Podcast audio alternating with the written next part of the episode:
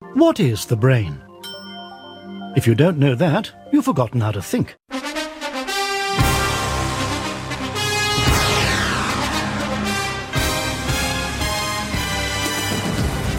Please ensure you have your copybook at hand, as you'll be asked to take down notes from the screen at various points throughout the program.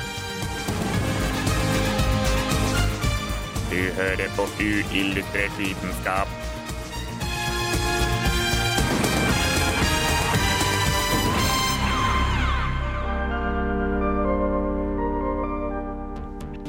Zombiefilmer er gøy å se på, det er det ingen tvil om.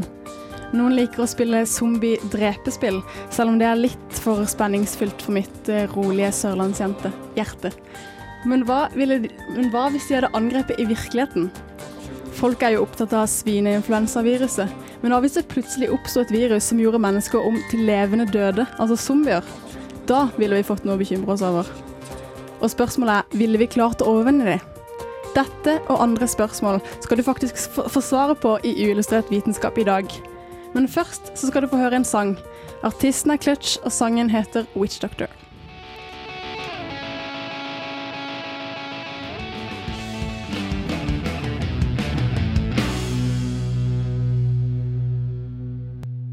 Du hører på Radio Revolt, studentradioen i Trondheim.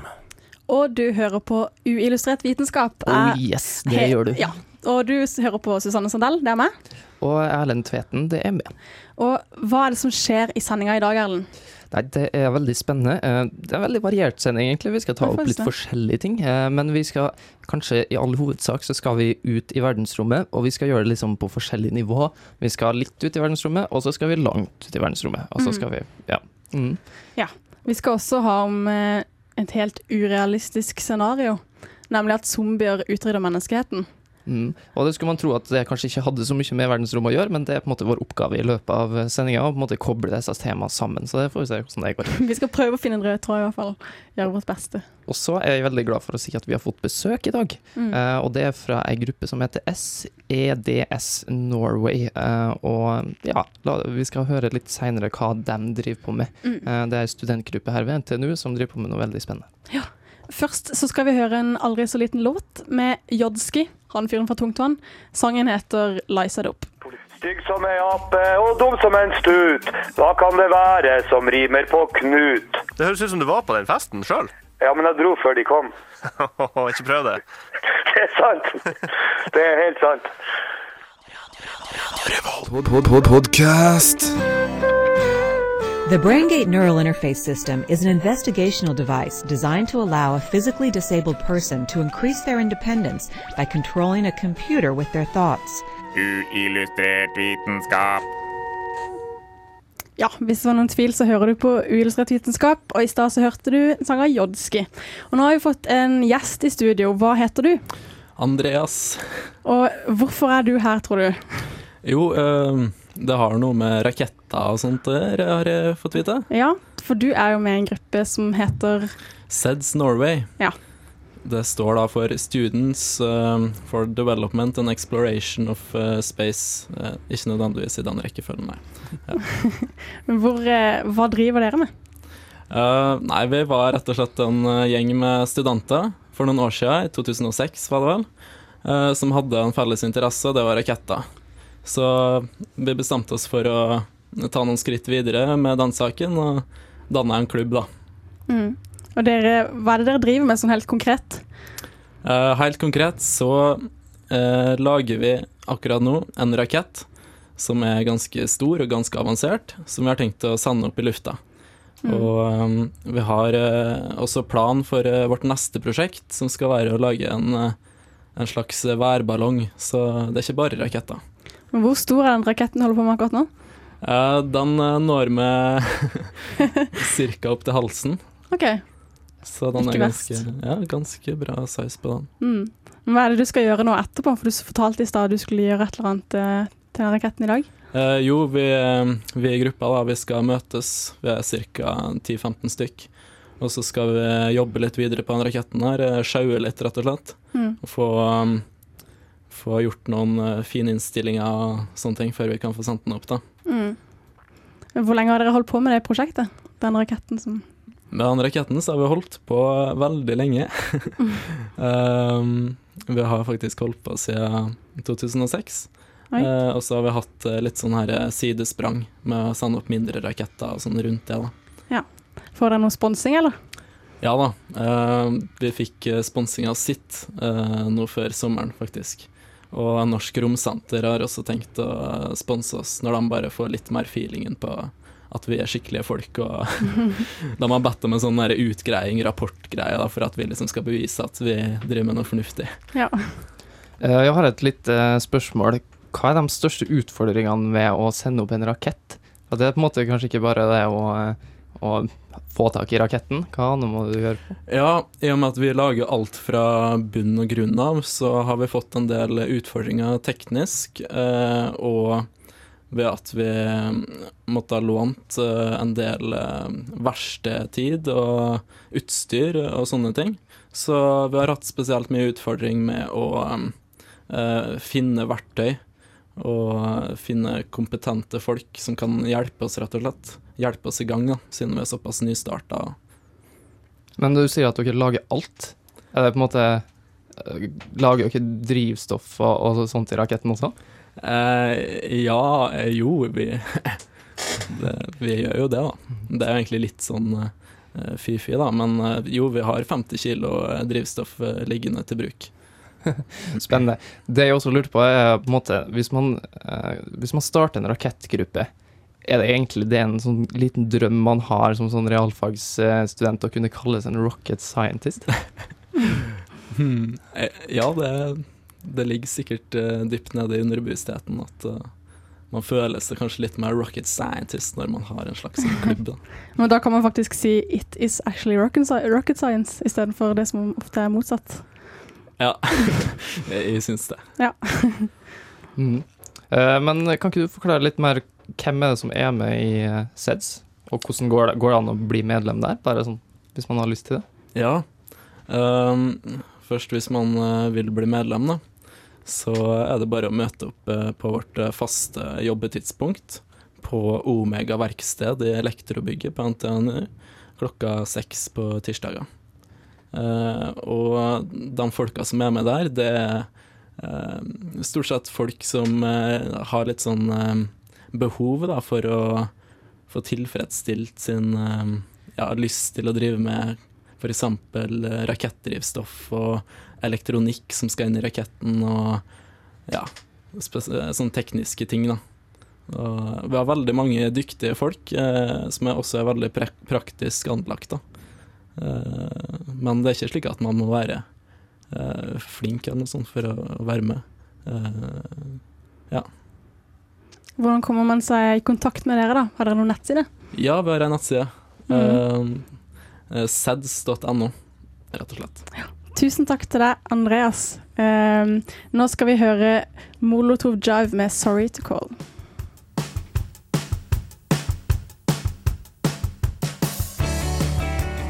Du hører fremdeles på Uillustrert vitenskap med Susanne og Erlend, det er Ja. den mest nerdete programmet som finnes på eh, ja, FM-båndet. Kanskje i hele Norge. Kanskje i hele Norge. Og nå skal vi eh, bare bekrefte det ryktet. Ja, for at vi skal snakke om zombier. Ja. Helt, eh, helt herlig. Eh, Og akkurat på det området her så er det du, Susanne, som på en måte har satte satt det virkelig inn i problemstillinga eh, zombier. Hva skjer hvis eh, vi blir eh, overtatt av zombieverden, og det eh, gleder jeg meg til å høre på.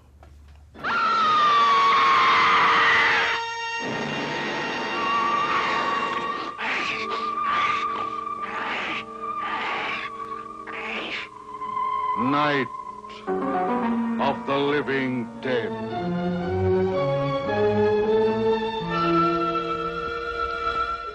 Til tross for at et zombieangrep er en av de minst sannsynlige måtene jorda vår kan gå under på, har ikke verdens vitenskapsfolk latt scenarioet være helt i fred. Fire kanadiske matematikere har nemlig gjort en analyse på hvor fort et zombieangrep ville kunne gjøre ende på menneskeheten. I modellen sin brukte de biologiske antakelser henta fra zombiefilmer, som f.eks. George Romeros 'Night of the Living Dead' fra 1968. A night with the dead who cannot die. I studiet har de gått ut ifra at når en zombie biter et friskt menneske, blir zombien spytt tatt opp i blodet til mennesket, som gir en infeksjon.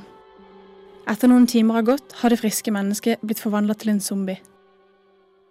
Varianten av zombie som man har sett på i denne studien, beveger seg sakte og er ikke spesielt snartenkte. Etter å ha brukt masse greier vi sivilingeniørstudenter har lært i matte 3 og IT grunnkurs, kom de canadiske matematikerne fram til at dersom man ikke fant en kur veldig raskt, ville zombiene infisere alle mennesker på svært kort tid. Til tross for at de er dumme og råtnende, vil vi altså ha en forsvinnende liten sjanse for overlevelse. Så hvis du noensinne har lurt på hva MATLAB, determinanter og egenverdier kan brukes til, har du nå svaret. Du kan vite hva som skjer når de levende døde angriper. Radio Revolt.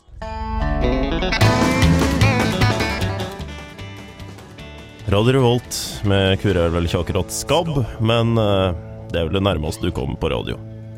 Der hørte du litt musikk. Før det hørte du en aldri så liten reportasje som jeg hadde laga om zombier. Det som er litt artig, synes jeg, er at jeg har hatt sommerjobb eh, her ved Sintef um, i sommer. Og jeg har jo jobba med Matlab. Uh, da ikke med zombier, dessverre.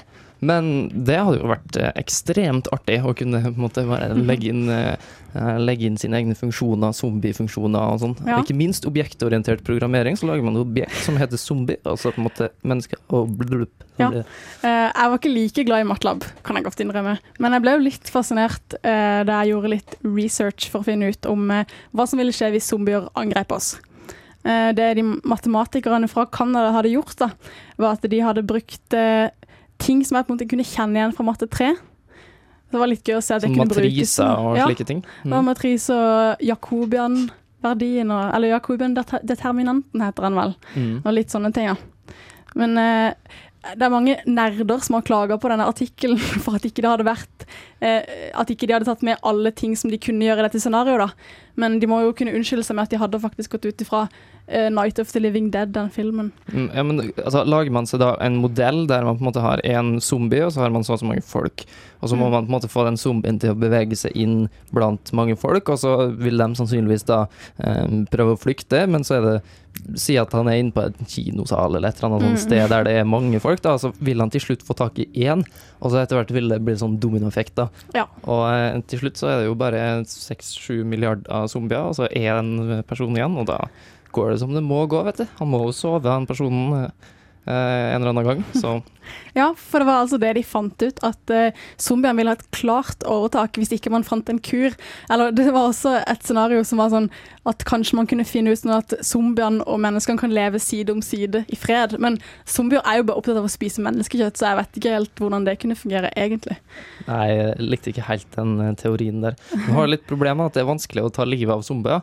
Uh, I hvert fall eh, i eh, en del zombiefilmer jeg har sett, så kan du på en måte bare både kutte av dem hodet og hendene og Ja. alt mulig før de faktisk eh, kreperer. Og det gjør jo ting litt vanskeligere, da. Mm. For at man må på en måte ja, miksmastre dem eller et eller annet sånt for å på en måte få, få tatt skikkelig knekken på dem. Ja, jeg, jeg tror samboeren min pleier å spille et zombiespill sånn eh, i ny og ne der man må kutte av de hodet for å, for å sette en stopper for galskapen. Men eh, det som passer veldig bra inn i akkurat det her, eh, er jo at den neste låta er lagd av Dead Kennedys. Mm. Passer meget bra. Eh, sangen den heter 'Holiday in Cambodia'.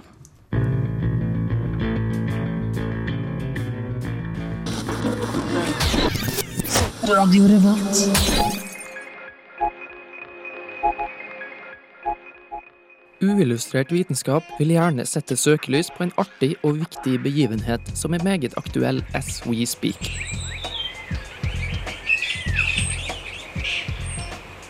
Nei, vi snakker ikke om at den meget sjeldne orientbrakksvalen har forvirra seg fra det fjerne Østen til Grilstadfjæra her i Midt-Norges hovedstad. Men derimot at den svensk-norske romfareren Christer Fuglesang skal ut på tokt i verdensrommet igjen.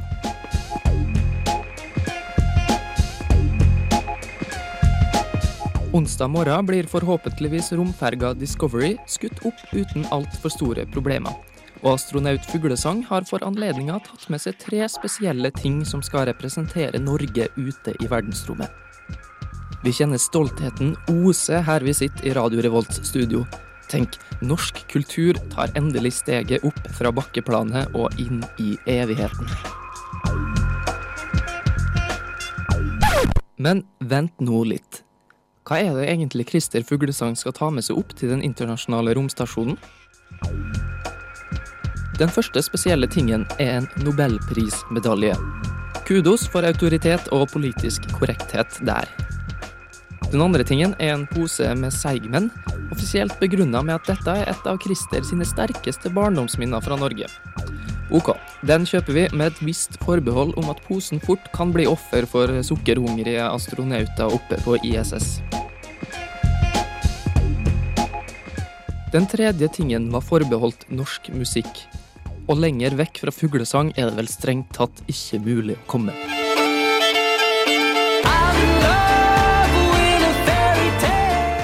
Kødda han med oss her? Hvor har det blitt av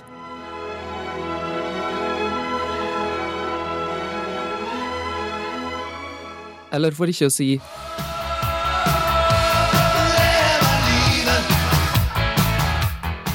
Eller i det minste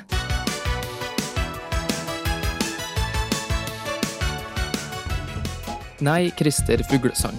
Det er med en liten bismak vi gratulerer deg med din andre romreise. Du er sikkert flink med tall, verktøy og vektløshet, men musikk burde nok noen andre få ta seg av.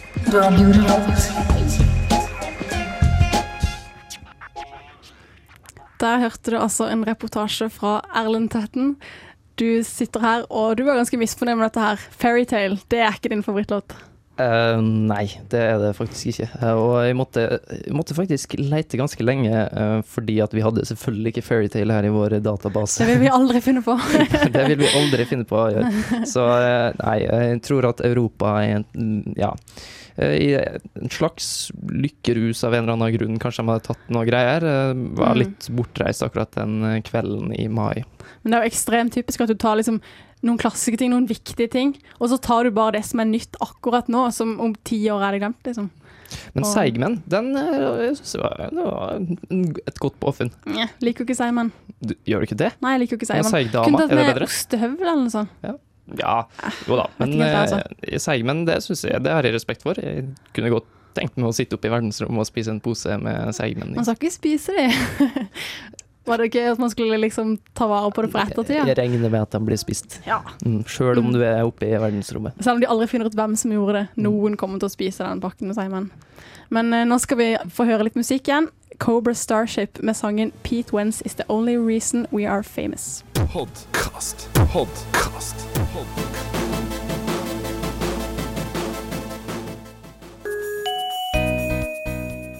Uillustrert vitenskap definerer. Prokrastinering. Prokrastinering er betegnelsen som brukes når man i påvente av et stort og viktig prosjekt gjør alt annet for å unngå å måtte starte på dette prosjektet. Beskjeftigelsen er vidt utbredt blant studenter og har virkelig skutt i været etter innføringa av store datasaler med tilhørende nettaviser, Facebook, avhengighetsskapende flashspill. Akademisk prokrastinering fører ofte til det enda mer alvorlige student syndrome, der all seriøs jobbing med ei oppgave utsettes til de kritiske timene rett før deadline.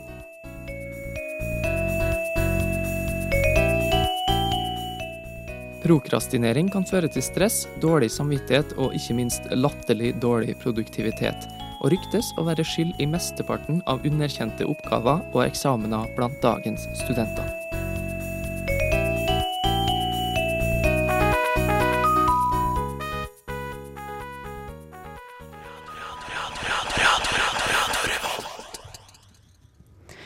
Nå har vi litt fuglenytt til deg her i Uillustrert vitenskap. Jeg er ikke helt ferdig med fuglesang helt ennå. Nei, eh, for det har altså vært et spektakulært syn eh, her i Trondheim i løpet av de siste dagene.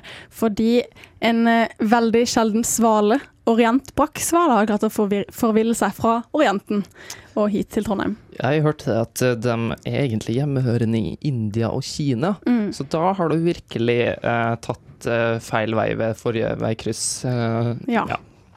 Vi har jo fått eh, ornitologielskere til å gå av skaftet. Er det ikke ornitologi det heter? Jo da, det er fuglekikkere. Mm. Eh, fuglekikking er jo liksom utrolig nerdete hobby, vil jeg si. Det er en litt spesiell form for nerding. Mm, eh, jeg vet ikke helt om det er så mange sånne realfagsnerder som driver på med akkurat Nei, det. men en nerd kan være så mangt, Erlend. Ja, jo, jo, det er sant, det. Jeg vil kalle meg selv matnerd, liksom. Ja. Når jeg liker å bake brød. Men det som jeg syns var litt trist med denne fuglen, er jo at eh, man skulle jo tro at det kom en sånn ti kilo tung fugl med alle mulige slags farger. En sånn. neongrønn og oransje papegøyeaktig dings. Da hadde jeg sperra opp øynene. Da hadde du gått av skaftet. Ja. Ja. Men altså, hvis jeg hadde sett denne eh, ja, fuglen her på en vanlig dag, så hadde jeg tenkt Herregud, for en kjedelig fugl. Det ser ut som en litt stor spurv. Litt, litt stor spurv. Den er Litt bare- lengre bein enn vanlig. Ja, den er grå. Ja, litt rød nebbe. Og, ja, eller gråbrun, kanskje. Mm. Og eh, det som er litt, eh, også var litt trist, da, at det var en fyr som på en måte kom med teorier om hvordan den har havna her i Norge. Og da er det enten det at den har navigert feil, og da ja, eh, er det kanskje noe feil oppi hjernen til en fugl, eller så er det rett og slett at den har blitt dratt med av noe vind. Og det må være veldig trist da, hvis du er på, en måte på lang flytur, og så har du tenkt det f.eks. fra India til Kina, og så midt oppe over fjellet så blir du på en måte bare kjørt av gårde med en storm, og så havner du i Norge. Da har du det rettet ut. Ja, det er jo nesten et lite mirakel at han fremdeles er i live. Men han, eh, han kom i hvert fall eh, til Trondheim da, og det gjorde ekstremt mange fugleinteresserte fra vårt ganske land. Det har vel kommet over 100 folk eh, som har tatt flyet inn fra Rogaland og greier for å se denne fuglen. Yes, eh, så vi må på en måte bare si til alle våre eh, Radio Revolt-lyttere at hvis man er interessert i fugler, så er det en veldig spesiell fugl som man kan se på Mm. her i Trondheim akkurat nå. I Grilstadfjæra. Ja, Mm. Den er kanskje ikke sånn veldig pen. Nei, men altså, jeg, kjenner, Men, eh, jeg kunne faktisk tenke meg å begynne med en sånn hobby, for det er ganske kult å se fugler. Gått en del i skogen i sommer, der har jeg sett en del fugler som jeg aldri har sett før. Men skal du være en av dem som på en måte begynner å imitere lydene og sånn også? Jeg kan noen. Eller sånn, jeg tror ikke jeg har tenkt å begynne å, å kvitre som en fugl på luft. det var litt spennende. Så vi var i Amsterdam i sommer, og i disse Amsterdam-kanalene så så vi en fugl jeg aldri har sett før. Som var, han ligna på en and, bare at han var helt svart med rødt og hvitt nebb. Og de fuglene var overalt. Det var liksom standardfuglene i Amsterdam, sånn som kråker og ender er her. Og i fugleboka så sto det at den lagde følgende lyder. Køkk og psj. En gang til. Køkk. Det sto liksom C-Ø-C-K, og så bare pst. Men vi hørte aldri noe særlig lyder. Vi hørte av og til noen lyder fra han som kunne ligne bitte lite grann hvis man la godvilja skikkelig til. Men det kan jo hende at jeg tolker de ordene feil og sier køkk og pst på en helt feil måte. Susanne Sandel, altså. Det er snart leder for Norsk ornotologiforening. Tja, jeg, jeg, brydde meg ikke om å kalle han det ekte, ekte navnet. Jeg kalte han bare for køkkfuglen. Men nå skal vi høre på noe som ikke har noen ting med fugler å gjøre i det hele tatt. Heldigvis. Ja, en liten fuglepause med Johnny Cash med Cocaine Blues. One morning while making the rounds, I took a shot of Johnny Cash der med Cocaine Blues. Eh, vi har lest en liten nyhet, vi, Erlend. Det har vi. Eh, Det er NASA som har kommet med en nyhet. Og jeg, måte, jeg er sånn som sitter dagen lang egentlig og følger med nasa.gov. For at hver gang det skjer noe der, så er det liksom oh, wow. Ja. NASA, på en måte. Og de har ikke skuffa denne gangen. Nei, det har de ikke. Eh, De har eh, kommet opp med en fantastisk idé for utforskning av vulkaner. Mm. De har laga noen sånne små edderkopper. Noen slags små varmeresistente robotedderkopper. Mm, vi så bilder av dem, det ser jo ser for så vidt litt edderkoppaktig ut. da, Så har de liksom lange sånne stålbein. Så, liksom, Mm. ja. mm. så de ser skikkelig stilige ut, eh, og de er skikkelig stilige også. Ja. For funksjonen deres er at de måtte blir, eh, ja, blir senka ned i eh, et krater eller et sted der det er veldig varmt. da. Og så tåler de den varmen, og så kan de gå rundt der og så måtte sjekke ut forholdene i vulkanen. Mm, så nå kan, vi nå kan vi finne ut hva som skjer inni en aktiv vulkan. Og det er jo det som er spennende, der, for det vet vi ikke så mye om. Tidligere så har man prøvd å på en måte plassere sensorer, men eh, da må man jo plassere dem permanent. Hvis man har en edderkopp, så kan Mm. den gå akkurat hvor den vil. Mm, det står at de kan vandre rundt, og så finner de ut selv hvordan de best skal kunne kommunisere med både hverandre og et slags overordna internett. Slags type internett, sa de. Så det er jo ganske spennende. Så kan de, eh, altså, de kan kommunisere med internett. Ja. Da det åpnes jo uante muligheter for akkurat det her. Ja, de kan jo gå rundt hvor de vil og rapportere hva som skjer. Kanskje de blir de nye sånne stuntreporterne. Sånn. De bare kan gå rundt i, på et utested og bare 'Her var det skikkelig liv', f.eks. Jeg tenkte, jeg fikk litt sånn at det var liksom som Twitter. da At de går rundt og bare forteller hva som skjer. Mm, sånn at hvis, eh, hvis NASA, da, som får inn denne informasjonen, bare kjører det rett ut på Twitter-feeden, liksom. Ja. Altså, Jeg tviler på at vi hadde forstått den informasjonen som hadde kommet sånn direkte fra de små edderkopprobotene. nå er jeg langt ned i, i Etna. Her er det varmt. Her er det passe varmt. Jeg tviler på at de har, kanskje de kommer til å utvikle humor etter hvert. Kanskje de lærer. Men det jeg tenker på er at det her må jo være genialt for å sende ut i verdensrommet, og vi har jo allerede vært litt borte i verdensrommet denne Mm. sendinga her. Eh, For at du hører jo om så roverne som er på Mars, og de får jo alltid noe problemer. Kanskje det er en liten stein som kommer borti så her Ja, eller så klarer de ikke å lande engang. At de knuser idet de lander. Men jeg ser for meg på en måte bare at du har en edderkopp som, eh, som da surer seg sammen til en sånn liten sånn ball. Og Mm. så når han da treffer bakken, så bare sånn Han bare snurrer rundt en gang som Spiderman, og så hopper han opp på alle de åtte beina sine, forhåpentligvis. Mm. Ja, det skal være åtte. Ja, må være åtte Seks hvis det skal være lite. Da, da er det et insekt. Når det er Mm. seks, altså åtte Altså, på dette bildet ser det ut som han har sånn tre, men, eh, men han har sikkert mange flere enn det. Ja, han må ha flere. Mm. Eh, Men hvis han da bare kan gå rundt på Mars som sånn edderkopp, ja. og mm, kanskje, eh, kanskje andre steder i solsystemet også, så ser jeg for meg at det, det blir bra. Mm. Kanskje han kan snakke med eventuelle romvesener. Fortelle hva som skjer. Ja, altså, jeg tror jeg hadde blitt litt redd hvis jeg hadde sett en sånn stor edderkopp. eh, sånn, eh, for så vidt jo, men den var av stål eller noe også, som nærmer Ja. seg med. Men det er mange som er redd for edderkopper hvis de ser edderkopper på soverommet. Hjemme så har vi ekstremt mange så, sånne edderkopper på soverommet.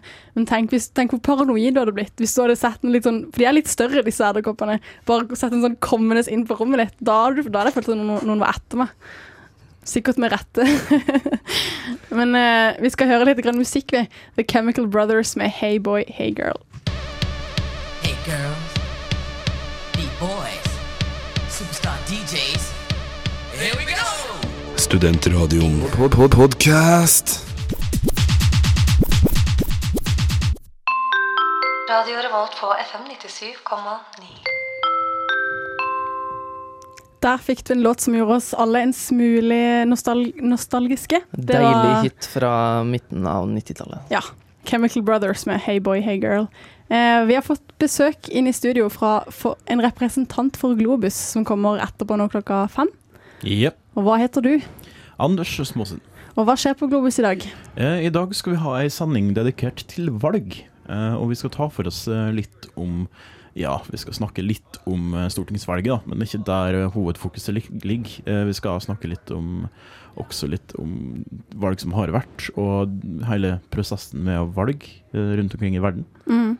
Så det blir, ja, det blir litt forskjellig der. Både demokratiske og udemokratiske, da, kanskje. Ja, vi kommer til å, å komme innom eh, plasser som ikke er så fullt så demokratiske, og hva som skjer når demokratiet feiler og noen kjører statskupp. Ja. Har du tenkt å stemme i år? Ja. Ja. Alle, vet, alle her vet hva du har tenkt å stemme, for du er vel Ja. med i partiet, er det ikke det? Jo, jeg er ganske unøytral. Mm. Ja, jeg har ikke helt bestemt meg ennå. Har du? Nei, men eh, kanskje avgjøres det av partiene sin innstilling til klimakrisen. Eh, Ja. Som er noe vi i Illustrert vitenskap har tenkt å ta opp utover høsten. Det blir Mm. kanskje ikke neste tirsdag, men det blir kanskje tirsdagen etter det. Ja. Eh, Det er altså tirsdag 1. september. Og det vi har lyst til å gjøre, er jo å ha 8. september. Ja. Ja. Vi vil jo ha en vitenskapelig vri på det hele, og ikke legge altfor stor vekt på politisk babbel, Mm. som det blir en del av. Men hvis man har noen tips til hva vi kan ta opp her i Illustrert vitenskap, så send det til uillustrert vitenskap i ett ord at radiorevolt.no. Mm. Så vi får bare sende inn alt du har lyst til å høre om, ting du er nysgjerrig på. Vi har jo mye vi er nysgjerrig på, men det er jo gøy å høre hva dere der ute lurer på. Mm. Og vi eh, tar jo opp nye medlemmer akkurat nå også. Mm. Eh, og da er det altså bare å gå inn på Samfunnet sine eh, nettsider, samfunnet.no, og klikke seg videre på opptak. Eh, og så finner man alle Radio, Radio Revolt sine eh, ja, stillinger som man kan søke på. Så det er veldig spennende. Du kan jo annet søke for å bli med i dette programmet, Uillustrert vitenskap, hvis du er sånn noenlunde interessert i vitenskap. Og nerd. Ja. Mm. Kan være litt nerd, det hjelper. Er det ikke sånn? Eh, vi er ferdig for i dag, vi, Erlend. Det var veldig artig å være med i dag. Ja. Og eh, det blir gøy neste tirsdag òg, kan jeg love. Vi må takke teknikeren vår, Ja. Han heter Martin Larsen. Han har vært ekstremt flink. Mm. Og det har du også, Erlend. Tusen takk. Og hør på Globus. Ja, det må du høre på. Eh, nå kommer den siste sangen for i dag. 'Busy Single' med Tie Dye Face. Yeah, yeah, yeah. So me say left it for the girl them. Tell them left it for the girl them. Uillustrert vitenskap er Midt-Norges eneste teknologimagasin på lokalradio. Og vi snakker om alt fra populærvitenskap til sære forskningsprosjekt ved NTNU. Radio Revolt, studentradioen i Trondheim, er stolt av å kunne presentere podkaster fra de aller mest populære programmene våre. Hvis du har lyst til å høre mer fra Radio Revolt, hvem vi er og hva slags musikk vi spiller, så kan du høre oss på FM-båndet i Trondheimsregionen, eller streame sendingene våre live på radiorevolt.no. Radio Revolt.